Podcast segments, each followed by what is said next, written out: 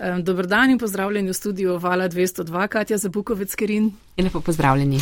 Ste morda eden najbolj prepoznavnih obrazov boja proti nasilju pri nas, ampak kot bi morda nekateri pričakovali ali pa kot se to pogosto zgodi, vas na to področje ni pripeljala neka osebna izkušnja in travma, ampak srednješolska naloga.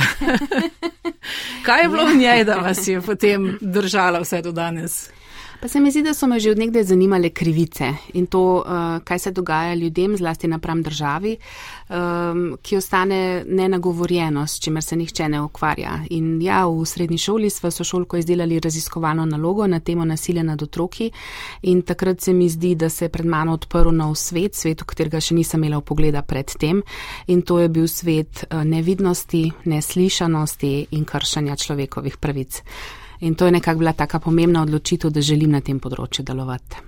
Kmalo zatem sem se pridružila SOS telefonu za ženske in otroke žrtve nasilja, kjer sem nekaj let odgovarjala na klice žrtev nasilja in se srečala z novo frustracijo, ko smo lahko sicer dajale podporo uh, žrtvam nasilja, ampak nismo pa mogli nekaj konkretnega pomagati, ker takrat v Sloveniji niso obstajale niti še varne hiše, niti zakon o preprečevanju nasilja v družini, niti prepoved približevanja, pa tudi večina strokovne javnosti je bila za ta problem še dokaj nesenzibilizirana. Danes je Društvo za nenasilno komunikacijo, ki ste ga potem so ustanovili in ki ga še danes tudi vodite oziroma mu predsedujete, največja nevladna organizacija na tem področju. Zaposlenih imate 35 strokovnih eh, delovk in kar ni nepomembno delavcev, pomaga va še kakšnih 70 prostovoljcev, pa tisoče ljudi je že dobilo pomoč. Uh mhm. -huh. A se vam zdi, da dobrega četrt stoletja kasneje ljudje pa hočemo videti vse to, po čemer ste vi kričali pred 25 leti? Se mi zdi, da hočemo videti, da problem obstaja, manj pa hočemo videti, da smo vsi del rešitve. To, kar ljudje hočejo videti, je nekoga, ki bo s čarobno palico rešil problem, na katerega so pripravljeni tudi sami občasno opozoriti, ampak niso pa se pripravljeni aktivirati več od tega. Težava je že, ko je treba poklicati policijo, ko je treba prijaviti nasilje, za katerega lahko vemo včasih samo sosedje, eh, da se dogaja, ko je treba pričati na sodišču, ko je treba svojim sorodnikom na družinskih večerjah postaviti mejo in reči, tako le se ne smeš pogovarjati s svojo ženo, s svojimi otroki. Eh, takrat smo nekako bolj nagnjeni k temu, da si želimo, da bi to nekdo drug rešil namesto nas. Eh, težko je stopati v vsakdanje konflikte, ker vemo, kako široko razpredene so te lovke nasilja, kako pogosto se dogaja in koliko krat spregledamo tiste manjše stvari. Predvsem pa številke, kakorkoli, niso samo številke, za njimi so res zgodbe, kot ste jih povedali, ampak še vedno so strašljive. Uh, vsaka četrta ženska v Sloveniji je žrtev fizičnega nasilja, pomeni četrtina Drži. četrtina. Vsaka Drži. druga po dopolnjenem 15. letu je doživljala psihično nasilje, spolno nasilje vsaj 7 odstotkov. Uh mhm. -huh. Pa govorimo samo o ženskah, pa so uh mhm. -huh. tukaj še starostniki, pa so tukaj še otroci. Uh mhm. -huh. Kaj pravzaprav nas je kot družbo pripeljalo do tega, da kljub ozaveščenosti, kljub temu, da si želimo to čarobno palčko, to še vedno dopuščamo? Uh -huh. Jaz mislim, da je um, zaradi popreproščenega pogleda na nasilje tako, kot je. In sicer si vsi želimo, da bi našli neko uh, čarobno rešitev. Včasih so bile to varne hiše. Mislili smo, da bomo odprli varne hiše in nenadoma bodo ženske varne. Pa vemo, da je bilo to samo gašenje požara tam, ker je najbolj gorelo. Uh, prav tako si želimo, da bi sprejeli nek zakon, um, nek ukrep naredili v zadnjem času, da bi uvedli elektronske zapisnice, karkoli, da ne bi bilo treba pogledati na sistemske neenakosti, ki v bistvu omogočajo, da se nasilje uh, dogaja, da so pravzaprav odzivi na včasih podobni kot pred 20 in 30. 30 leti in da še vedno vsako leto nekaj žensk umre zaradi femicida. Kaj imate v mislih, ko rečete enaki odzivi so? Včasih, ko me povabijo, da kje kaj povem, pogledam govore za par let nazaj in ugotovim, da jih ne rabim na novo pisati, da lahko recikliram kar tiste, ker poudarki, eh, poudarki, ki sem jih delala takrat pred leti, tudi pred 20 leti, ostajajo isti tudi v današnjem času. In tudi zgodbe žrtev, ki prihajajo k nam v nevladne organizacije, so podobne. Pogosto poročajo o sekundarni viktimizaciji na različnih institucijah, o nerazumevanju strani posamezne strokovne delavke ali delavca o tem, da želijo krivdo za nasilje prenašati na njih in da se zlasti pa na žrtve prenaša odgovornost za ustavljanje nasilja. In to je tisto, kar je nespremljivo in kar veča nezaupanje v sistem in kar nevladne organizacije že 30 let v Sloveniji zahtevamo, da se spremeni. In deklarativno vsi razumemo, v praksi pa? Vsi razumemo, vsi razumemo in tudi vsi želimo spreminjati ta vrh piramide, ne? vrh tistih, torej tiste najbolj ekscesne um, primere, umore, uh, posilstva, skupinska posilstva, tam, kjer najbolj poči, ampak spregledamo pa, da do tam pripelje zaradi tega, ker vsak dan dajemo družbeno dovoljenje, da se nasilje nadaljuje, da se nasilje ohranja in da se dogaja nad družbenimi skupinami, ki imajo manj moči. Predvsem pa jim mu dajemo tudi dobra hranila, zagotovo je izzivala, uh, mislim, poglej se, kako, kaj delaš z njim, vse samo tu pa tam se napije drugače, pa krasen dečko je naporiti, se spomnimo te debate takrat, ko je bilo prepovedana uh, fizično obračunavanje z otroki. Mislim, mm. komu je pa škodilo, a ne pri starostnikih, mm. oprostite, veste, kaj on vse življenje delal, nobena perla ni bil. Kaj takšna klima tudi povzroči? Mm -hmm. Torej, uh, take ljudske modrosti nastanejo, po mojem mnenju, prav zaradi tega, ker si ljudje želimo misliti, da smo varni pred nasiljem, da se to dogaja tistim, ki so same naredili nekaj narobe, nam, ki pa ne počnemo nič narobe, se to ne more zgoditi. In zato uh, pač ponavljamo te stvari, ki so jih ponavljali že naši detki in babice.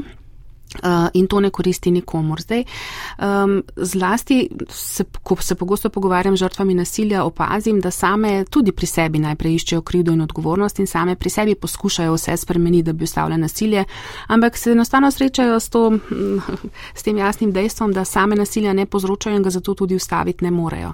Prav zato je tako pomembno, da naslavljamo povzročitelje in povzročiteljice kot tiste, ki so odgovorni ne samo za nasilje, ki ga povzročajo, ampak tudi za to, da ga ustavijo. In ker tega ne naredijo sami, sami, jih mora ustavljati država. Ustavljati jih mora uh, striktno, ustavljati jih mora dosledno in ustavljati jih mora tako, da so vsi ukrepi zasnovani za večjo varnost žrtev. Ampak tu je tisto, ko lahko poberete papir izpred 20 let in povemo popolnoma enako, še vedno ne umikamo storilca umikamo žrtve, ko se umaknejo, da nimo v skrajnem primeru tudi v varno hišo, se lahko zgodi, da storilec ostane doma, uh, povzroča stroške, ki jih plačuje žrtev.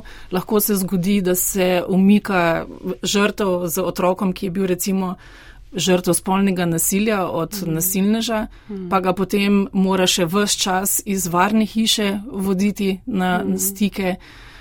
Um, tako res nespodbudno zgleda. Včasih se zdi, da, da je pravzaprav so ti dobri primeri, ko ljudje prijavijo in se nekaj zgodi in so na vseh inštancah ljudje in strokovnjaki ne samo sočutni, ampak tudi strokovni znajo ukrepati pravzaprav bolj loterija kot sistem. Kako vi to doživljate? Ja, to doživljam kot resno frustracijo in tako kot ste zgledali obupani vi, ko ste navajali te uh, konkretne primere, tako včasih zgledamo obupani tudi v Društvu za nenasilno komunikacijo, ko se pogovarjamo o njih. Zdaj, jaz lahko razumem veliko stvari. Lahko razumem, da je trenutna situacija v državi takšna, da se s področjem ukvarja premalo ljudi. Lahko razumem, da je to tako težka tema, da veliko ljudi zmore na tem področju delati le nekaj let, potem se pa umikajo. In da stalno prihajajo novi, in da je treba znanje stalno dopolnjevati uh, in jim omogočati izobraževanje in povezovanje. Ampak težko pa razumem um, kakšne situacije, v katerih se zdi, da tudi tisti, ki znajo in bi zmogli, enostavno nočejo in raje gledajo stran in čakajo, da bo to naredil nekdo drug. Reagirati na področju nasilja um, je pogumno dejanje. Včasih se treba izpostaviti, včasih je treba stopiti v kakšen konflikt. Ampak, če pač tega ne zmoremo, potem je potrebno, da se z takih delovnih mest umaknemo. Um, teže je v socialnih mrežah. Žrtve nasilja namreč povedo, da se najprej obrnejo znotraj svojih socialnih mrež po pomoč, najprej povedo svojim prijateljicam, mamam, ljudem, ki jim zaupajo. In že tam je pomembno, kako se odzovemo, da jim verjamemo, da jim damo podporo, da imamo tudi informacije o tem, da jih znamo usmeriti, kje lahko pomoč dobijo. Sploh pa, da reagiramo, kadar ljudje na institucijah svojega dela ne opravijo korektno. Zdi se, da se prevečkrat potuhnemo, smo tiho, ne upamo spregovoriti o teh stvarih, zato ker je nezaupanje tako veliko. In ker žrtve veliko krat rečejo, potem bo samo še slabše, vi ne veste, kako grozno je bilo. Ampak to dejansko, če pogledamo recimo ta pričevanja, ki jih sicer anonimno pišejo žrtve nasilja obeh mm. spolov eh, v akciji, zakaj nisem prijavila mm. oziroma nisem prijavila inštituta 8. marec, se kaže prav to, kar ste vi rekli. Ljudje prvič ne verjamajo, da jim bo sploh kdo verjel tako. in potem se v pričevanjih nizajo v bistvu skoraj da identične mm. izkušnje s tem, kako mm. kje kaj ni delovalo. Mm. Vi v, z vašimi izkušnjami razumete, da je bolj problem tega človeka na tistem mestu, ali je sistem kljub tolikim letom še vedno preveč luknjast, da tudi najboljši ne morejo speljati postopka tako, da bi bilo hitro, učinkovito, da se umakne žrtev, da stvari delujejo. Pa. Jaz prevečkrat vidim tudi primere, kjer pa delujejo stvari tako, kot morajo. V lanskem letu se je recimo samo na našo nevladno organizacijo obrnilo več kot 1800 posameznikov in posameznic, nekateri, ker so nasilje doživljali, drugi, ker so ga povzročali.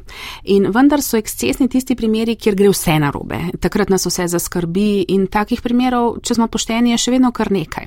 Ampak večina primerov pa se konča dobro. Večina ljudi vseeno zmore predelati to izkušnjo, dobi pomoč, kakršno v tistem trenutku potrebujejo in grejo naprej, njihovo življenje teče naprej. Na to grozno izkušnjo ne bodo pozabili, večina njih nikoli, ampak vendar lepa več ne kroji njihovega vsakdanjega življenja. Eh, tam, kjer se zaplete, Pa včasih opažamo uh, sistemske težave, sistemske luknje, na katere poskušamo vse čas opozarjati, včasih pa opažamo te človeške primankljaje. Uh, to, da enostavno zmanjka včasih znanja, včasih volje, um, včasih pa, da ljudje res izhajajo prav iz neznanja in iz nekih nam neznanih vzgibov, ko prelagajo odgovornost na žrtve, ko delajo veliko razliko v pričakovanjih, ki jih imajo do žrtve in do povzročitelja. Žrtve morajo vse, povzročitelju pravzaprav ni treba nič. Um, in pa tudi ne, ko ne opozarjajo sami na um, pomankljivosti, ki jih pri svojem delu, pri delu svoje institucije zaznajo, zato da bi se jih lahko sistemsko popravilo.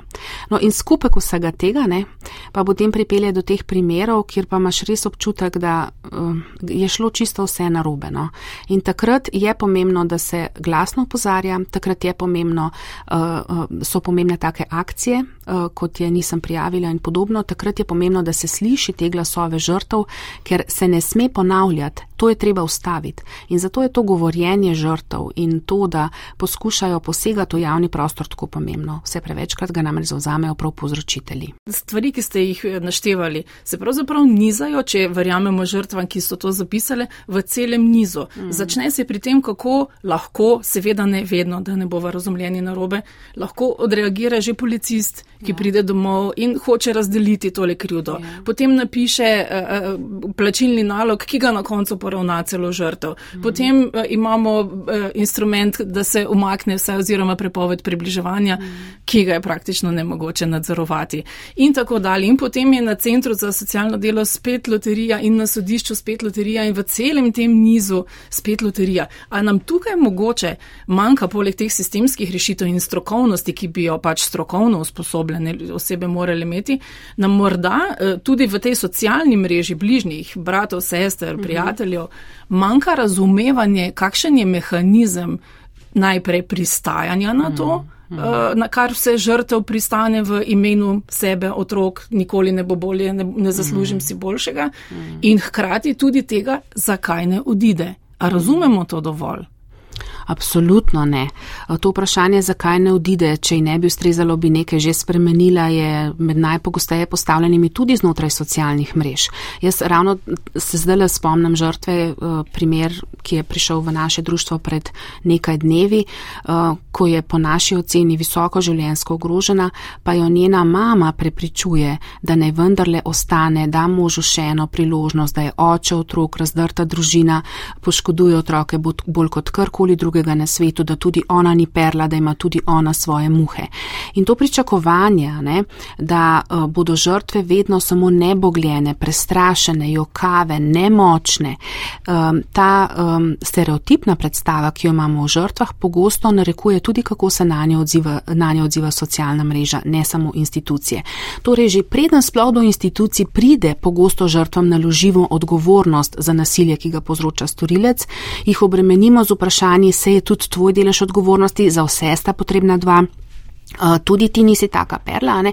in potem že tako nesamozavestno sploh pridejo do institucij uh, in tam pogosto začnejo prav s tem, ne? da povejo, sej tudi jaz nisem popolna, sej ne mislim, da sem.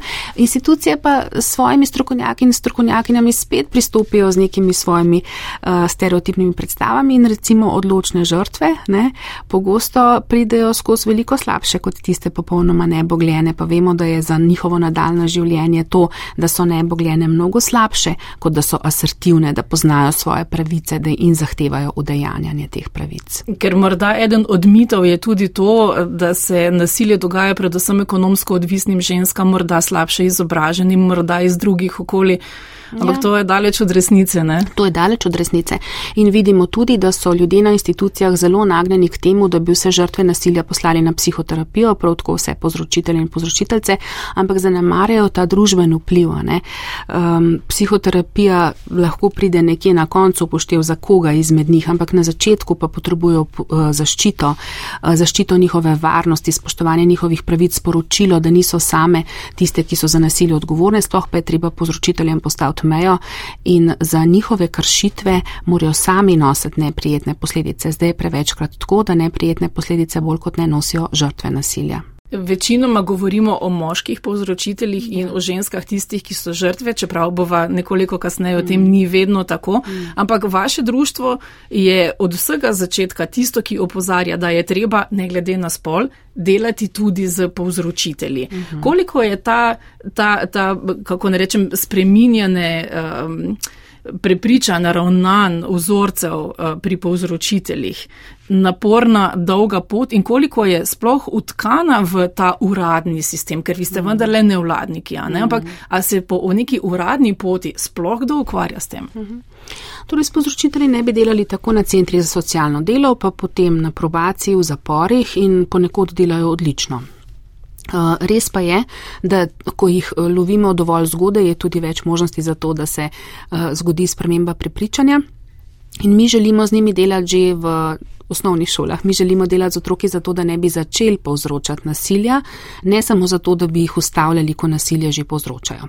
Tako da nam se zdi pomemben ta sistematičen pristop, da delamo preventivno, delamo žrtvami, delamo s povzročitelji in delamo na spremembi zakonodaje in izobraževanjih za večje ozaveščanje in izobraževanje ljudi. Zdaj delo s povzročitelji v Sloveniji dejansko poteka na omejenem nekak um, številu, zaradi tega, ker nas je premalo ker bi tukaj nujno potrebovali ukrepitve. Um, je pa tudi uh, nevarno, ne, da bi zdaj tudi mislili, da je to neka čarobna paličica, ker tudi ni. Prav vsi povzročitelji absolutno ne bodo spremenili svojih prepričanj do te mere, da bi bile njihove žrtve varne. Uh, tako da vedno opozarjamo, da je to samo dopolnitev represivnih ukrepov, ki jih država pa seveda mora uveljavljati za to, da zaščiti uh, žrtve nasilja. Zdaj delo z povzročitelji je dolg proces, seveda, sprememba prepričanj ne gre tako hitro, ponavadi se lahko začne šele takrat, ko so povzročitelji dovolj frustrirani v svojem življenju, se pravi, jim okolica dovolj nazorno pove, da ne sprejema njihovega nasilnega vedenja in da zahteva spremembo. Um, potem pa se začne počasi, ker je treba prevrteti vse te. Um, Mm, vsa ta sporočila, ki so jih povzročitelji, pa tudi nekatere povzročiteljice, dobivali tekom odraščanja o tem, da imajo kot moški posebne privilegije, da morajo imeti dominantno vlogo, da bi ženske morale na določene načine se do njih obnašati in podobno. In um, je treba osmisliti to spremembo. Ne? Zdaj, če je družba kot taka ne podpira, težko osmislimo in sporočamo povzročiteljem, da morajo svoje vedenje spremeniti.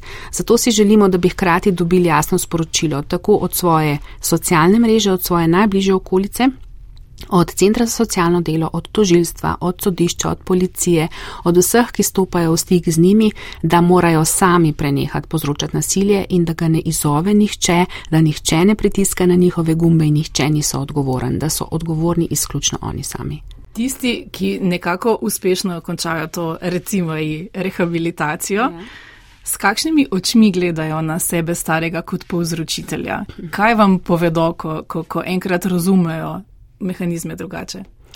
Kolegi, ki s temi skupinami delajo, povedo, da je pravzaprav sicer veliko teže delati s skupinami, v katere vse čas prihajajo novi in odhajajo iz njih stari, ampak povedo tudi, da je to kar ključno uh, za spreminjanje prepričanj, ker tisti, ki pridejo na novo, se srečajo s tistimi, ki so določeno pot že prehodili.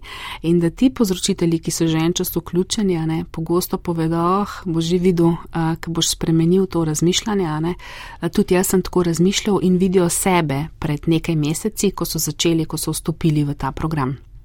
Ta napredek je zanimiv, ga je pa težko vzdrževati, če seveda cela družba ne začne dajati drugačnih sporočil. Pogosto se namreč eh, povzročitelji, ki so vključeni, vprašajo, s kom se bom pogovarjal izven DNK-ja, izven Društva za nenasilno komunikacijo. Kaj bom rekel svojim prijateljem na pivu? Eh, kako bom reagiral na seksistične štose? Kako bom reagiral, ko bom priča spolnemu nadlegovanju, za katerega vem, da je podlaga vsem drugim, lahko še hujšim vrstam nasilja? Kako se bo torej spremenila moja socialna mreža in moje življenje. Ne? In to je pomembno vprašanje. Če bi obstajali prostori, kjer bi si dajali več podpore za razvijanje teh vrednot ne nasilja, bi bilo naše delo mnogo lažje. Rekli ste, tisti, eh, ki delajo za povzročitelji, ste uporabili moško spolno obliko, pomeni, da eh, so gospodje tisti oziroma strokovnjaki in nestrokovnjakinje te, ki so morda najbolj učinkovite na tej poti preobrazbe. Pri za povzročitelje nasilja je značilno, da um, svet gledajo na določen način in za njih so ženske pogosto manj vredne, manj strokovne kot moški. Zato mi, da si mečkeno olajšamo delo na začetku, v prvo bojno vrsto pošljemo moške strokovne delavce. Da začnejo rehabilitirance? Tudi. Tudi imamo sodelavca, ki jasno pove, da je v preteklosti sam povzročal nasilje in potem spremenil svoje prepričanja način življenja in je danes največji zagovornik vrednotne nasilja, ki jih tudi živi. Uh, no, ampak vendarle, ko pa delajo določen čas z moškimi strokovnimi delavci, pa je pomembno, da srečajo tudi strokovne delavke v tej vlogi, da ne perpetuiramo tega, te, te delitve sveta na moške, ki so več vredni, bolj strokovni, več vedo in na ženske, ki to niso. Um, tako da, ja, je pa dejstvo, da se po Sloveniji v teh devet krajev, kjer mi izvajamo program za povzročitelje nasilja, najprej vozijo moji moški sodelavci. Koliko pa je pri žrtvah pomembno? Prvič, da so ženske, kadar gre za ženske oziroma reciva istega spola, kot je uh, žrtev. In po drugi strani, ali je za žrtve lahko odločilno pri tem, koliko bodo zaupale, koliko bodo sodelovale, tudi to, ali je sam terapeut imel to izkušnjo, uh, ali pričakujejo v bistvu na nek način nekoga, ki je doživel to, kar so doživele one. Ne bi rekla, da to pričakujejo. Eh, je pa res, da je že pred dolgimi, ne vem, 25 leti, da so izvedali neke poskusne, um, poskusne akcije, ko so na telefonih dežurali moški uh, in klicale so v glavnem seveda žrtve nasilja, ki so bile ženske in so ugotovili, da se ne obnese, da takrat veliko večkrat ženske odložijo, da jim je veliko težje o tem govoriti z moškim in podobno. Um, tako da za začetek dela je večini žrtev vseeno lažje, da spregovorijo ženskami.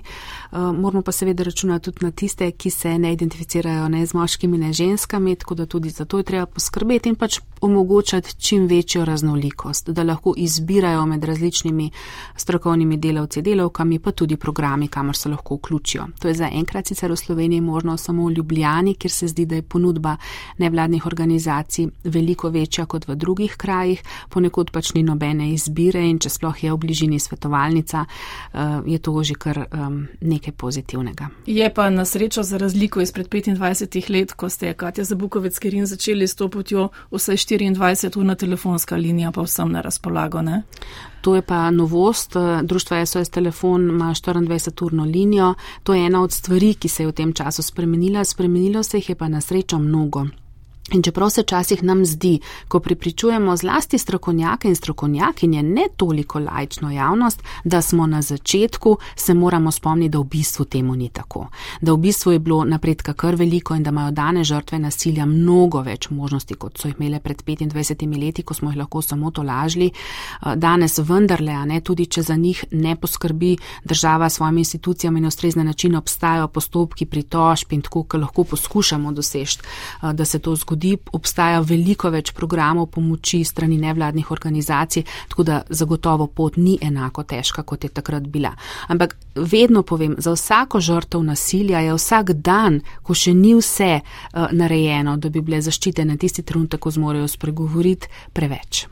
Katja Zabukovec, Kerin, nedelska gostja na valu 202, predsednica in soustanoviteljica Društva za nenasilno komunikacijo. Govorili ste o tem, da je možnosti dan danes veliko več, kot jih je bilo takrat pred dobrimi 25 leti, ko ste vi začenjali svojo pot, pa vendarle varne hiše, ki jih imamo nekako za sinonim tega, da ko pa nekaj želimo ukreniti, je pa varna hiša vendarle rešitev, bi morali biti zelo skrajni ukrep. Tako. In tudi, eh, in tudi mi se trudimo, da bi bile. Varne hiše so toga institucija. Treba je varovati tajnost lokacije, treba je upoštevati številna pravila in pa ko pride žrtev v najhujših trenutkih svojega življenja vanjo, je zagotovo nepripravljena na to, da se bo morala pogovarjati z ženskami, ki jih ne pozna, ki morda niso blizu po ničemer, ne po starosti, ne po izobrazbi, ne po načinu življenja. In vendar se bo morala prilagoditi za to, da tisti trenutek poskrbi za svojo varnost. Zdaj v Društvu za nenasilno komunikacijo uh, smo bolj naklonjeni k odpiranju varnih stanovanj, to so zaključene bivalne enote, kjer ni prisotnosti strokovnih delavk, omogočajo pa nek nek tak um, umik uh, v kraj, ki ga povzročitelj ne pozna, v stanovanje, kjer so določene um, varnostne stvari uvedene. Ampak varna hiša nikoli ne sme nadomestiti pripora pri storilcu, pa vidimo, da se prav tako dogaja. Če so ogrožene žrtve, bi bilo treba umikati povzročitelje, ker jih ti ogrožajo. Um, ljudje na institucijah pa pogosto mislijo, da demo pač zapreti žensko varne hiše, se pa so pa na varnem in pozabijo, da s tem grobo posegajo v njihovo življenje, v njihove pravice, pa so same oškodovane. V nobenem drugem primeru kaznivega dejanja ni tako, da bi posegali v pravice žrtev, samo v primeru uh, nasilja v družini je pravzaprav tako, ne? ko se bojimo posegati v pravice povzročiteljev. Uh, prepovedi približevanja so eden najpogosteje kršenih ukrepov, uh, ki naj bi zaščitili žrtve in zato jih pogosto ne zaščitijo do dovoljšne mere. In v teh primerjih bi pač nujno morali pridržati in pripreti tiste, ki nasilje povzročajo, ne pa zapirati varne hiše eh, žrtev nasilja. Včasih se niti ven ne upajo, da bi šle v službo, da bi šle na pogovor s prijateljicami, da bi si ponovno poskušali organizirati življenje, kar pa vsaka žrtev nasilja nujno potrebuje. In včasih se seveda ali pa pravzaprav ne včasih, ampak kar pogosto zgodi, da se pravzaprav odrečejo celotnemu svojemu prejšnjemu življenju, mm. da morajo zamenjati kraj bivanja za zelo drug konec države, da se morajo prešolati otroci kot sem rekla prej, dogaja se, da doma ostajajo vsi stroški, ki jih povzročitelj nemoteno povzroča naprej uh mhm. -huh. in jih nosi žrtev, ki se je umaknila v hišo. Procesi so zelo dolgi uh mhm. -huh. in kot smo omenili prej, eh, stiki pa znajo biti problem, sploh kadar je bil tudi otrok eh, mladoleten žrtev nasilja. 25 let, kakšna sprememba vsaj tukaj? Mm, mm. Ja. Zdaj, vedno je treba malo paziti tudi odkur, glede tega, kakšna sporočila dajemo žrtvam. Zagotovo so pomembni napredki. Ampak vendarle še srečamo primere, ko um, se pa ne zgodi to, kar bi pričakovali. In sploh stiki so eno področje, kjer je omogočeno povzročiteljem nadaljevati s povzročanjem nasilja, samo spremenijo vrsto uh, in potem še vedno poskušajo kontrolirati življenje svojih žrtev. Recimo uh, zahtevajo stike, potem pa se na stikih sami pravzaprav sploh ne ukvarjajo z otrokom, ampak se ukvarjajo z otroki babice. Um, zahtevajo stike ali pa celo oni zahtevajo, da so otroci dodeljeni njim, pa zato nimajo ne časa, ne interesa, ne vejo niti vedeti, kako je imel otrokovi zdravnici, kako je imel njegovi učiteljici, s kakšnimi izven, eh, eh, izven šolskimi dejavnostmi se ukvarja in podobno. Pogosto prihajajo iz stikov otroci bolni, da morajo potem mame uh, ostajati z njimi na bolniški, prihajajo brez pomembnih stvari, da je potrebna nova in nova komunikacija s povzročiteljem. Stiki so torej področje, kjer je možnih ogromno nekih manipulacij, tudi zasliševanje otroka, kako mama živi, s kom se druži in podobno. In eh, čas je, da jih prepoznamo eh, kot nevarne v primerih, kjer se je dogajalo nasilje in da tudi sodišča ugotovijo, da vedno pač ni uh, se potrebno skoncentrirati samo na to, da stiki so. Stiki so primerni, če so za otroka in za odrasle žrtve nasilja varni. O tem govorijo tudi mednarodni dokumenti. Ampak hkrati na drugi strani moramo vendar reči, da, da je druga skrajnost, ki se pa kdaj in kdaj žal tudi pojavlja, je pa načrtno odtujevanje, uh -huh. ki pa ga žrtvam veliko krat več očitajo, kot se dejansko dogaja. Zakaj tukaj gre? Točno to. To je pač. Um, mi vemo, da si včasih pari, ko grejo na razen, eden drugemu znajo tudi nagajati. Ampak v primerih, ko gre za nasilje, bi morali ločiti, da uh, če žrtve nasilja dvomijo v varnost stikov, imajo ne samo pravico, da to počnejo, ampak pravzaprav tudi dožnost. Se morajo zaščititi in poskrbeti za varnost svojih otrok. Pogosto je nezlorabljajoči starš edini, ki to lahko naredi. Zdaj, pred leti se je pojavila ena, um, se je pojavil nek ameriški uh, psihiater, ki je začel govoriti o odtujevanju, o tujitvenem sindromu. Uh, povzele so ga zlasti očetovska gibanja, tista, kamor so vključeni tudi mnogi povzročitelji nasilja, ki mislijo, da se jim dogaja krivica, uh, ker jih ženske prijavijo zaradi nasilja in to uporabljajo kot nekaj, kar um, naj bi bila patologija zlasti žensk, uh, kar naj bi počele zlasti ženske, zato da ne bi škodile moškim zaradi tega, zaradi razširjanja um, nekega oddaljenega zavedanja o tako imenovanem utujitvenem sindromu, ki ga struka v celoti zavrača, seveda, um, pa do tega, da se žrtvam več ne verjame, je kratek korak. In naše žrtve nasilja pogosto poročajo, da odkar na institucijah več razmišljajo o odtujevanju, da jim manj verjamejo, da so ogrožene one ali njihovi otroci. To pa seveda prispeva k nevarnosti. Kako je pa zlorabami? Spomnimo se, pred časom je bil skoraj da val. Uh, um, tako re, recimo temu obtožb o spolnem nasilju nad otroki z namenom, uh, da bi se preprečili striki oziroma da bi se v ločitvenih postopkih uh, stvari zasukale drugače. Kako ste vi to videli iz. Zagotovo je do kakšne zlorabe, ki je ne moremo reči, prišlo tudi takrat, kadar ni šlo za nasilje. Ampak kako ste pa vi videli, koliko to pravzaprav žrtve potiska v še slabši položaj, te domnevne obtožbe, da so ženske vsega sposobne in da bodo to tudi uporabile? Zdaj, jaz za ta val lažnih obtožb ne vem, vem pa za val govorjenja o lažnih obtožbah um, in to se mi zdi hud problem. Namreč, pri, tako kot pri vsakem kaznivem dejanju, obstaja možnost neke zlorabe tudi tu, jih pa mi ne vidimo. Jih ne vidimo um, razen v res izjemnih primerjih. Jaz se mogoče spomnim parih v 25 oziroma 30 letih mojega delovanja na tem področju. Ampak um, storilci, a veste, vsakič, ko zloraba ni dokazana na sodišču, In ne pomeni, da se ni zgodila, govorijo o tem, da je šlo za lažno prijavo. Prijava je lažna samo, če nekdo ve, da se ni zgodila spolna zloraba, pa vendar prijavi namenoma z namenom, da bi nekoga onemogočila ne, na policijo.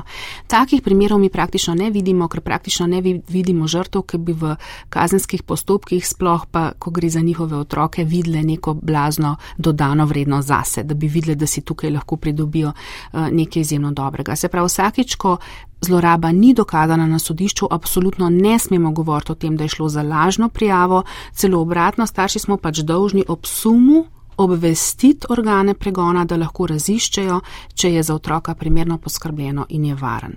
Tako da to je nekaj, kar pa zelo pogosto spet uporabljajo očetovska gibanja, gibanja, kamor so vključeni tudi povzročitelji nasilja, veva pa obe, da bodo tudi tisti, ki so dejansko povzročili spolno zlorabo, najverjetneje zanikali, da so kdajkoli kaj takega naredili in da bodo to poskušali prikazati kot konstrukt, kot zaroto zoper njih.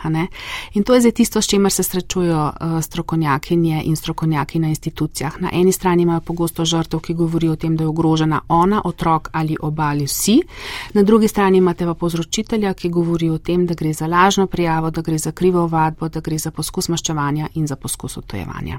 Vse skozi govoriva o ženskih žrtvah in o moških povzročiteljih. Mhm. Kaj kaže statistika, koliko je pa vendarle tistih moških, ki so žrtve in so ženske povzročiteljice? Torej, pri nas uh, jih je nekaj procentov. Um, jaz lahko govorim iz svojih izkušenj, iz izkušenj Društva za nenasilno komunikacijo. Na nas se obračajo tudi moški, ki so žrtve nasilja. Največkrat so sicer žrtve nasilja strani drugih družinskih članov in članic, ne svojih intimnih partneric, pa vendar. Um, pri teh moških, ki so žrtve nasilja, je najpogosteje potreben tak pogovor, da pravzaprav razmislijo, kaj se jim je zgodilo in da samo zato, ker so moški, še niso dolžni trpeti nasilja tiho, uh, da so lahko tudi sami žrtve, ampak ne gre pa tolkrat za ta občutek ogroženosti, kot o njem govorijo ženske, ki doživljajo nasilje in to je pomembna razlika med obojimi. Um, nismo še srečali moškega, ki bi rekel, da se počuti ogrožen do te mere, da bi potreboval nastanitev v varno hišo um, medtem ko se ženske ponavadi veliko bolj bojijo. Moški pogosto tudi rečejo, da če bi bilo potrebno, da bi se lahko obranili pred nasiljem, ampak da je to skregano z njihovimi vrednotami, da se ne bojo pretepali, da se ne bojo pač tega šli uh, in imajo prav. Torej, moške oziroma varne hiše za moške mislite, da še ne potrebujemo?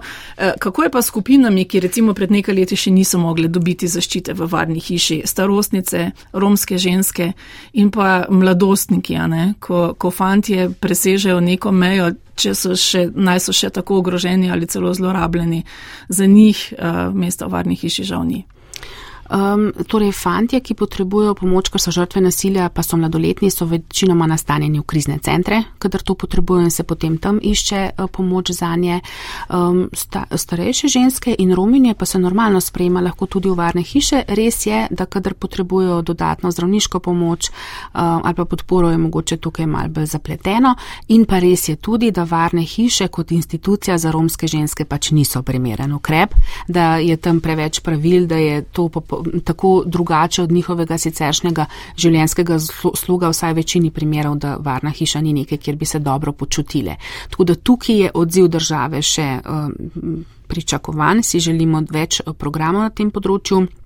Uh, je pa kot na drugih, se mi zdi, da se čaka na to, kaj, bom, kaj bodo naredile nevladne organizacije, kako bodo pogruntale rešitev nevladne organizacije. Rekli sva, razmerje, kadar gre za fizično nasilje, je nedvomno kaže, da so žrtve mnogo pogosteje mhm. ženske in storilci mnogo pogosteje moški. Kaj pa druge oblike nasilja? Od medvrstniškega nasilja do mhm. psihičnega nasilja. Mhm. Eh, kako so pa tam eh, vloge spolov pomembne? Um, glede na to, da se vseeno izhaja iz tega, da so moški ponavadi v družbi privilegirana skupina in da si te privilegije tudi bolj jemljajo, poz, po, mislim, opažamo, da je več moških povzročiteljev na vseh področjih. Res pa je, da kadar ženske uh, si vzamejo več moči ali pa zlorabljajo svojo moč, to naredijo večkrat na nek verbalen način s psihičnim nasiljem kot pa fizično. To pa tudi drži. Pri vrstniškem nasilju vidimo, da številke um, povzročiteljic deklic naraščajo naraščajo. Uh, in verjetno, ko se bojo uh, spremenjali kazalniki enakosti v družbi, lahko tukaj pričakujemo ponovne spremembe. Vidimo pa tudi, da kot pojav vrstniško nasilje mm, ne eskalira, da nekako staja na številkah izpred let ali pa se celo zmanjšuje. Katja Zabukovec, Kerin, predsednica Društva za nenasilno komunikacijo, uh, nekako glaven čas v človekovem življenju, ko se določa, na kak način bomo sprejemali, povzročali, skratka, zauzeli ta odnos do nasilja, vendarle otroštvo.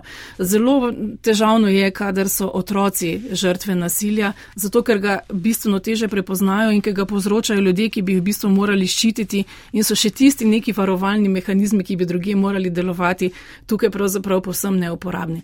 Ampak kaj pa šola? Uh, bi šola morala biti drugačen prostor? Prostor tako vzgoje, kot tudi zaščite otrok, kadar je ti ne dobijo doma oziroma kadar so doma celo ogroženi. Absolutno. To, česar se moramo zavedati, je, da med nami odraščajo otroci, um, ki doživljajo nasilje v svojih družinah, ki so mu priča, ki ga pač opazujejo in so skozi to tudi sami žrtve nasilja. To prinašajo v šolski prostor. Um, tam se lahko zgodi, da ponovno doživijo nasilje strani vrstnic vrstnikov, lahko ga tudi sami povzročajo, včasih pa ne opozorijo nas na noben način. Šole bi morale biti na to veliko bolje pripravljene, kot po mojem mnenju so. Zato si želim, da bi tudi hitreje reagirale, kadar opazijo na tem področju eh, neke težave in da bi se bolj aktivno vklopile v reševanje. Eh, to, kaj se dogaja v družinah, mora skrbeti šole, zaradi tega, ker je pač seveda vloga šol tudi to, da nauči otroke eh, komunikacije, sodelovanja, tudi odnosov do določene mere. In po mojem mnenju se to danes dogaja absolutno premalo. Že samo, koliko aktivno naslavljajo na, različne vrste nasilja v osnovnih šolah, a ne nam lahko pokaže, da uh, je tukaj treba narediti še ogromno. Želim si več uh, posluha na tem področju. Um, želim si, da bi se vsi skupaj strinjali, da je vlaganje v preventivo veliko pomembnejše kot vlaganje v kurativo, ampak veliko poveži podatek, da smo pred leti vsaj v našem društvu za nenasilno komunikacijo, izvedli preventivne delavnice za približno 11 tisoč otrok letno. Eh, danes je ta številka občutno manjša in sploh ne moramo govoriti o tem, da gre za v resnici preventivne delavnice, ker šole kličejo ponavadi takrat, ko že gori, ko je prisotno nasilje med vrstniki, ko ne gre več za to, da bi se učili uh, spoštovanja, komunikacije, ko problemi še niso tako veliki. In zato je taka ostra kritika nevladnih organizacij sploh na preventivno uh, delovanje v šolah po mojem mnenju zelo upravičena. Bili ste hudi pa tudi na ravnatelje in ravnateljice, uh -huh. sploh v primerih, ko domnevno niso želeli prijaviti spolnega nasilja, tudi zato, ker bi lahko trpel ugled šole. Tako, pa zato, ker napačno mislijo, da morajo najprej raziskovati ta sum, uh, ga sami upravičiti in šele potem bi nekaj prijavili. Na ta način lahko naredijo hudo škodo otroku, pa tudi primeru, uh, ker pač to preiskovanje ni njihova dožnost. Njihova dožnost je, da sum spolne ali druge zlorabe sporočijo naprej in da drugi lahko opravijo svoje delo. Tako da ja, veste, v 25 letih, ko smo poslušali o tem, da ne znajo, pa ne morejo, človek postane tudi malo nestrpen, pa se mu začne dozdevati, da počasih v resnici tudi nočejo, da se jim ne zdi, da bi svoje življenje prilagodili do te mere, da bi se izpostavili manjši neprijetnosti, kadar gre za zaščito tako pomembne stvari, kot je integriteta otroka. E, te stvari so res zoprne, tega ne moremo reči, da ne, ampak hkrati aj premalo zavedanja celo ljudi, ki so se šolali za to, da delajo z otroki in da razumejo njihovo psiho in njihovo stisko, da koliko ključne so prav te osebe v šolah lahko. Morda otrok nima nikogar drugega.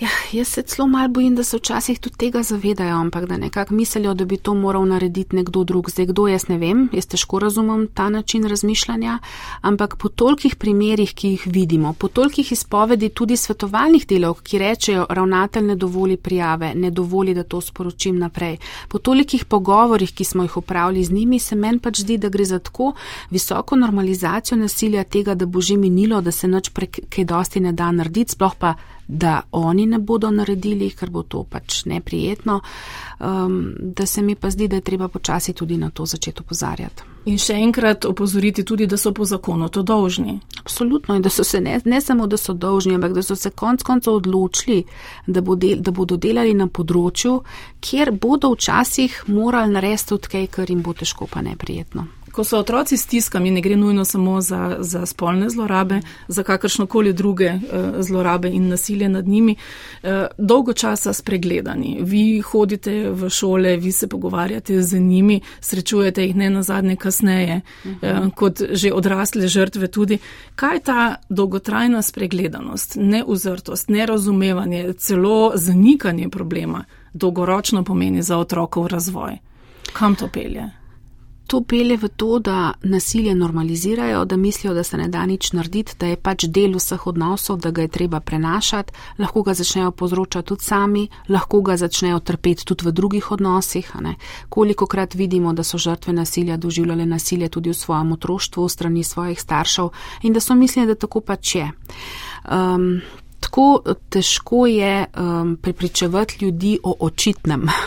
Se vendar vsi vemo, kako nasilje poškoduje otroke, sploh če ga povzročajo ljudje, ki naj bi jim otroci najbolj zaupali, ki jim stalno govorimo, da so tisti, ki jih imajo najraje v življenju. Ne? In če začnejo otroci misliti, da zraven k ljubezni spada tudi telesno kaznovanje ali pa katerakoli vrsta zlorabe, bo to problem, ki ga bodo verjetno razreševali večino svojega življenja in se bo pokazal v drugih pomembnih odnosih, ki jih bodo oblikovali. Nizka samopodoba, ko otroci nekomu niso niti pomembni oziroma je za nje vse dovolj dobro, naj malo potrpijo, kako zelo usoden je lahko ta vidik oziroma ta življenjska drža tudi kasneje. Mislim, pri delu s povzročitelji in povzročiteljicami nasilja to vidimo vse čas. Uh, vidimo, kako obupajo tudi sami nad sabo, kako nehajo sprejemati drugačna prepričanja, kako pač ponavljajo tisto, kar so na nek način sprejeli. In to lahko pripelje do tega, da sami povzročijo najhujša kazniva dejanja in usodno poškodujo ljudi, ki jih imajo v resnici radi. V enem od pričevanj, sicer odrasle žrtve poskusa posilstva, v tej zgodbi na platformi 8. marca nisem prijavila, me je pravzaprav vseeno začudil stavek. Počutila sem se krivo, ker sem imela oblečeno krilo. Šlo je za odraslo žensko v službi. Zgodilo se je spolno nasilje, poskus posilstva. V začetku letošnjega šolskega leta pa me je, moram priznati, presenetilo stališče nekaterih ravnateljev, da morajo lepe deklice paziti, kako se oblečajo, da njihovi sošolci ne bodo imeli kakršnih koli hormonskih težav. Kako ste vi po 25 letih dela z žrtvami razumeli to sporočilo? Kar na koledar je bilo treba pogledati, ne, da smo videli, uh, kjer ga leta smo. To je izjava, ki bi jo lahko komod uh, pripisali nekomu, uh, ki jo rekel pred 40-60 leti. Um, to je točno to, o čemer danes govoriva. Ta kultura prenašanja, prelaganja krivde na žrtve ne, in to, da ni treba v bistvu povzročiteljem nič, uh, ker so samo izvani, se samo odzivajo. Ne, To je tako globoko vsajeno, da smo to lahko videli tudi po tej izjavi. Zelo sporno je, da šola neprimerno vedenje, celo spolno nasilje dečkov pripiše kakršnemu koli vedenju, oblačenju, življenskemu slogu deklic in to je zelo, zelo nevarno. Uh, prispeva k temu, da bodo deklice odrasle z tem občutkom, da so same krive za nasilje, ki ga doživijo, da bodo dečki odrasli z občutkom, da niso krivi za nasilje, ki ga povzročijo in da bodo podobno počeli tudi v drugih odnosih. Jaz pač mislim, da so take izjave toliko nespremljive, da ljudje razmišljajo na ta način, ne, um, da ne bi smeli delati z otroki. Govoriva seveda o profesionalcih, kar šolniki zagotovo so, ampak uh, vseeno del tega pomoči smo lahko res popolnoma čisto vsi, ne glede na izobrazbo.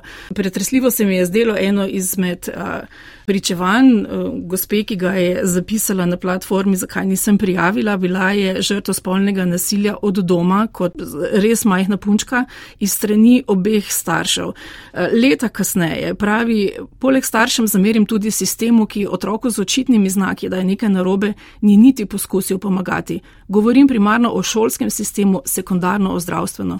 Počutila sem se, kot da si ne zaslužim pomoči, kot da so se moje težave samozavestjo, samopodobo, tesnobo, depresijo, da so vse to moja lastna krivda. Zlomljeno srce imam, ko pomislim, koliko ljudi je opazilo, da so stvari narobe, vendar se je obrnilo stran. Nasilje v naši družbi je še zmeraj videno kot zasebna stvar, stvar, v katero se ne vtikamo, pa bi se morali. Še zmeraj zanikamo, da so ljudje sposobni spolne zlorabe otrok, kaj šele lasnih in kaj šele, da bi bila storilec mati. Hmm. A razumemo svojo vlogo? Ne, vsakega jaz... od nas. Ne, jaz mislim, da dejansko ne. Um, jaz mislim, da, da, da, da to je prav to, kamor želimo priti. Da želimo priti tja, kjer bo vsak od nas razumel, da je izjemno pomembno, kako se odzove na izpoved prijateljice, kako vzgaja svoje otroke, kakšne što se pripoveduje, čemu se smeje v družbi, kako reče nekomu, ki prestopa mejo, da mora nemudoma nehati s tem, kako tudi zahteva spoštovanje svojih pravic, kako poskrbi zase. Uh, in potem naprej, kako vstopamo v zaščito otrok, koliko se izpostavimo, uh, koliko razumemo, da vsak otrok, tudi tisti, ki povzroča nasilje, v bistvu potrebuje pomoč, da bo nehal s tem uh, in da bo lahko kot odgovoren član uh, skupnosti živel naprej. Um, koliko smo pripravljeni podpreti druge, ki govorijo o nasilju, koliko smo pripravljeni prijaviti, koliko smo prijav, pri, pri, pripravljeni pričati, koliko zahtevamo spoštovanje v našem delovnem okolju, koliko pozarjamo na nepravilnosti.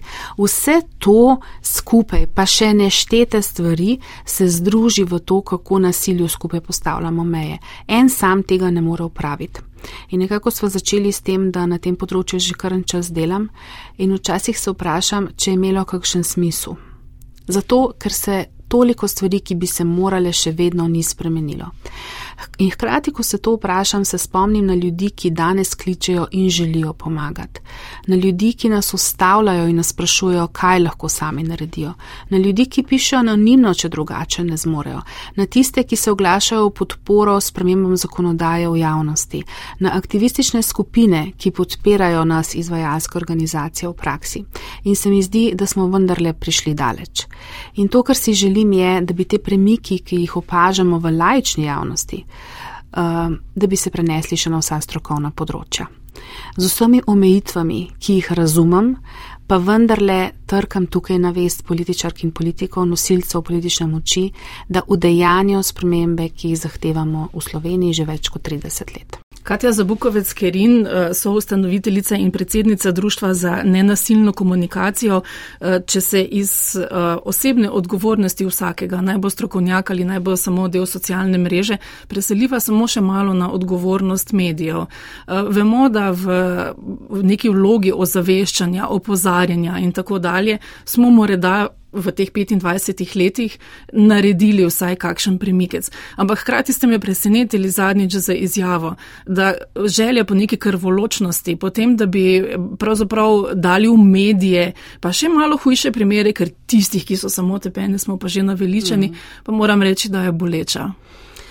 Ja, ampak jaz res mislim, da moramo zelo paziti, ker izpostavljamo vedno hujše zgodbe žrtev. Uh, ker se zdi, da je javnost tako imenovanih navadnih zgodb žrtev že vajena. In um, jaz se spomnim klica novinarke, ki je klicala in rekla, pa zrihtite mi kakšno uh, žrtev, ki je doživela nekaj, vsaj tazga, kot je naredil fricala, ne, ne mi zrihtati kar ene navadne uh, žrtve. In ta želja, da bi uh, bili priča vedno bolj ekscesnim primerom, vedno bolj bizarnemu, je nekaj, kar je treba upoštevati pri medijskem poročanju. Zato Zato si jaz želim ne samo, da bi vedno osmislili, zakaj govorimo o zgodbe žrtv, da bi razumeli, da je to zato, da se v sistemu nekaj spremeni, si želim tudi, da bi manj pozornosti posvečali podrobnostim zlorabe, ki se jim je zgodila, in več učinkom, ki jih je zloraba pustila. Želim si pa tudi, da bi vedno, ko govorimo o tem, da za mnoge žrtve danes še ni dovolj dobro poskrbljeno, spregovorili tudi o neštetih zgodbah žrtev, ki pa dobijo takšno pomoč, kot jo potrebujo in uspejo svoje življenje spremeniti tako, kot si so si to želeli. In uh, ja, včasih sem kritična do te naravnanosti medijev, da želijo rešiteljsko pristopati k stvarem, manj pa, da opozarjajo na sistemske pomankljivosti, da želijo slišati, kako je nekdo rešil eno situacijo, ne pa kako mora sistem rešiti vse in se mi zato zdi tudi tukaj potreben nek kritičen razmislek. Hkrati smo pa seveda ob vsem izrečenem za informiranje, za senzibilizacijo, ki ste jo dosegli mediji, neizmerno hvaležni in smatramo medije za, pomemben, za pomembenega partnerja v tem našem nevladniškem delovanju.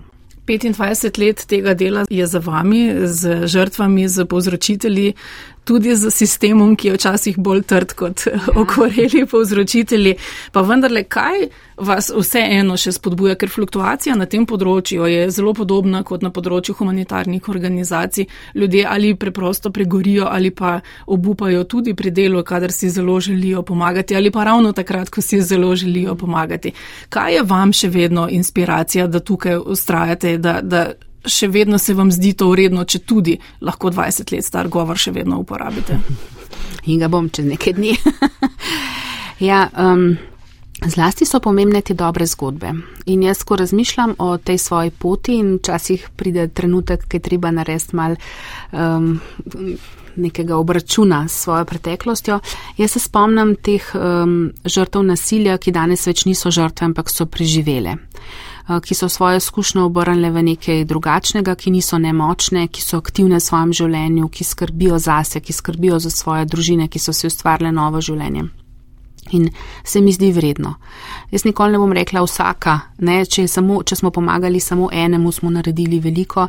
Meni se zdi kar pomembno po, pomagati uh, vsem, ki pomoč potrebujejo in veliko jih je in veliko to pomoč tudi na primeren način dobi. Sploh pa si upam trditi, da dobijo um, fajn pomoč pri mojih sodelavkah in sodelavcih v Društvu za nenasilno komunikacijo. Delo z njimi je tisto, kar me v zadnjem času najbolj um, napolnjuje. Zdi se mi, da te nove generacije, ki prihajajo, pa tudi te stare, ki ustrajajo že pravzaprav več desetletij, da imajo toliko velik zadat in da te povezave, ki se zgodijo z, med ljudmi, um, ustvarjajo neko novo zaupanje in neko novo skupnost. In prav grajenje drugačne skupnosti, skupnosti, kjer ne bo prostora za nasilje, bo pa prostor za spoštovanje. Za enakost, za vključevanje vseh, eh, to je tisto, kar meni in mojim sodelavkam in sodelavcem daje moč, da nadaljujemo, čeprav se včasih zdi, da vsakič začenjamo znova na isti točki um, z ljudmi, ki prihajajo na novo na položaje odločanja, ampak je kar treba se spomniti, da temu v resnici ni tako. Kakšne zgodbe nosite s sabo? Tako v mislih, kot morda ostajate s kom v stikih tudi uh mhm. -huh. leta po tistem, ko so že izplavali z najhujšega? Ja. Tudi srečujemo se v različnih okoljih, ker pa žrtve prihajajo iz različnih poklicev in um, z različnih krajev, tako da se srečamo in povejo, kako jim je. Z mnogimi tudi načrtno nek stik vzdržujemo, da krepimo njihovo socialno mrežo. Ampak z mano vedno ostajajo pozitivne zgodbe, vedno ostajajo tiste, o človeškem pogumu, o tem, kaj se je možno, ko zgleda vse nemogoče, o tem, kako je zgledala ena uporabnica, ko je prišla, pa kako zgleda po uh, tem, ko je vključena en čas in ko uredi svoje življenje. Um, ampak hkrati pa z mano strajajo tudi druge zgodbe, zgodbe strokovnih delavk in delavcev, ki so našli moč v tem, da so iz nemogočih situacij poskušali narediti nekaj drugače, um, ker so ugotovili, da lahko s svojim delom pomembno vplivajo na življenja ljudi in to počnejo iz dneva v dan. Prostovoljke in prostovoljci, ki svoje, svoj čas in energijo posvečajo otrokom, ki potrebujejo varen odnos z odraslim, da bodo lahko funkcionirali bolje, ko bodo odrasli. Vse to je tisto, no, kar pač ostaja in jasno je, da vsi, ki na tem področju delamo nekaj zase, dobimo in ta vera v moč ljudi je tisto, kar mene žene naprej. Je, kaj bi rekli po vseh teh letih izkušnj in po tisočih zgodb, ki ste jih spoznali zelo odblizu, je najbolj ključno za to, da nekdo lahko spleza, da zmore to. Kakšna okoliščina, kakšna osebnostna lastnost, kakšno drugo, ne vem, na ključe ali kaj je tu najbolj tisto, ki, ki je odločilno? Jaz mislim, da je zelo pomembna podpora okolice, da je veliko laže tistim, ki imajo podporo že znotraj svojih najbližjih, potem pa jo dobijo še mogoče v kakšni organizaciji, da je zelo pomembno, da so, to, da so okrog njih ljudje, ki znajo priti do informacij, tudi kadar same uh, žrtve tega ne zmorijo uh, in da so jim v ključnih trenutkih pripravljeni stati ob strani, brez obsojanja, brez moraliziranja, enostavno stati ob strani. Um, včasih mora miniti nekaj časa za to, da ljudje zmorijo narediti vse, kar je treba, uh, postaviti se zase in ponovno urediti svoje življenje je življenski projekt, ogromno energije rabiš za to in ta spoštljiv odnos, da hodimo ob njih, je po mojem mnenju tisto, kar prevaga. Seveda ob primerni zakonodaji, ob usposobljenih ljudeh, ob uh, programih pomoči, ki dejansko pomagajo. Koliko vas je to delo, v katerem ste ogromno stvari spoznali, tudi o ljudeh in o družbi, osebnostno spremenilo, utrdilo, izgradilo, spremenilo?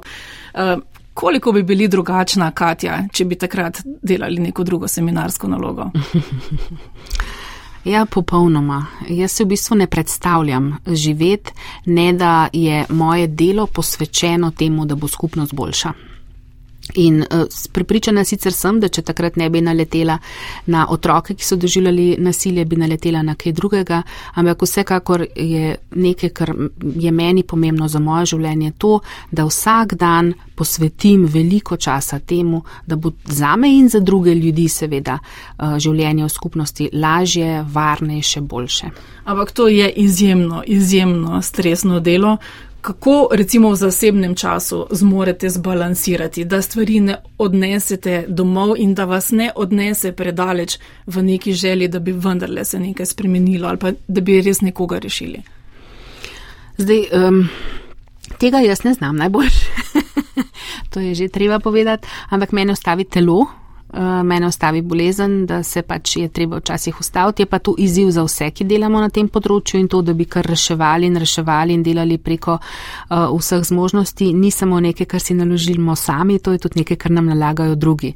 Torej, kljub temu, da je to moja služba, um, tudi ljudje, s katerimi poslovno sodelujem, pogosto mislijo, da um, je možno z mano govoriti 24 ur na dan, vse vikende, vse praznike, da dopusta skoraj, da ne potrebujem uh, in je treba tukaj kar znati postavljati mejo. Ampak ker zgled eh, že otrokom, tole pa ni, ne? če tudi zveni zelo dobro, da, ste, da se tako razdajate. Ni dobro tudi zaradi tega, ker si želimo, da bi ljudje na tem področju delali daljši čas in ker se je v zadnjem času na institucijah res izmenjalo ogromno ljudi, sploh na centrih za socialno delo, prihajajo novi in novi in na področju nasilja ne zdržijo dolgo, si v društvu za nenasilno komunikacijo še toliko bolj prizadevamo zadržati izkušene ljudi, tiste, ki imajo že ogromno znanja, ogromno izkušenj, zato ker lahko tudi ogromno dajo. Ker cel sistem, kot smo najbrž dobro povedali v tej zadnji uri, eh, Katja Zabukovec, ki ni idealen, ampak včasih ogromno pomeni en sam človek, ki taki žrtvi stoji ob strani in ob vseh problemih in ščepavanjih in vsem, kar imamo. Na koncu koncu tako delo na nek način je tudi privilegija, ni? Točno to. To je nekaj, na kar stalno pozarjamo. Hoditi ob ljudeh v najhujših trenutkih njihovega življenja in gledati, kako si vračajo moč, kako jo korak za korakom pridobivajo nazaj zaradi tega, ker jim jo je nasilje vzelo, je tak privilegij, da um, po takšnem delu ni nihče več enak. Ampak vsi vidimo, kakšne so sposobnosti ljudi, kako globoko morajo včasih sež, da najdejo to svojo moč, ampak jo najdejo in zmorejo in preživijo. In biti z njimi v teh trenutkih je res neizmerno lepo. Najlepša hvala, Katja Zabukovec Kirin, da ste bili nedeljska gostja Vala 202 in delili z nami tudi del tega svojega dela. Hvala tudi vam.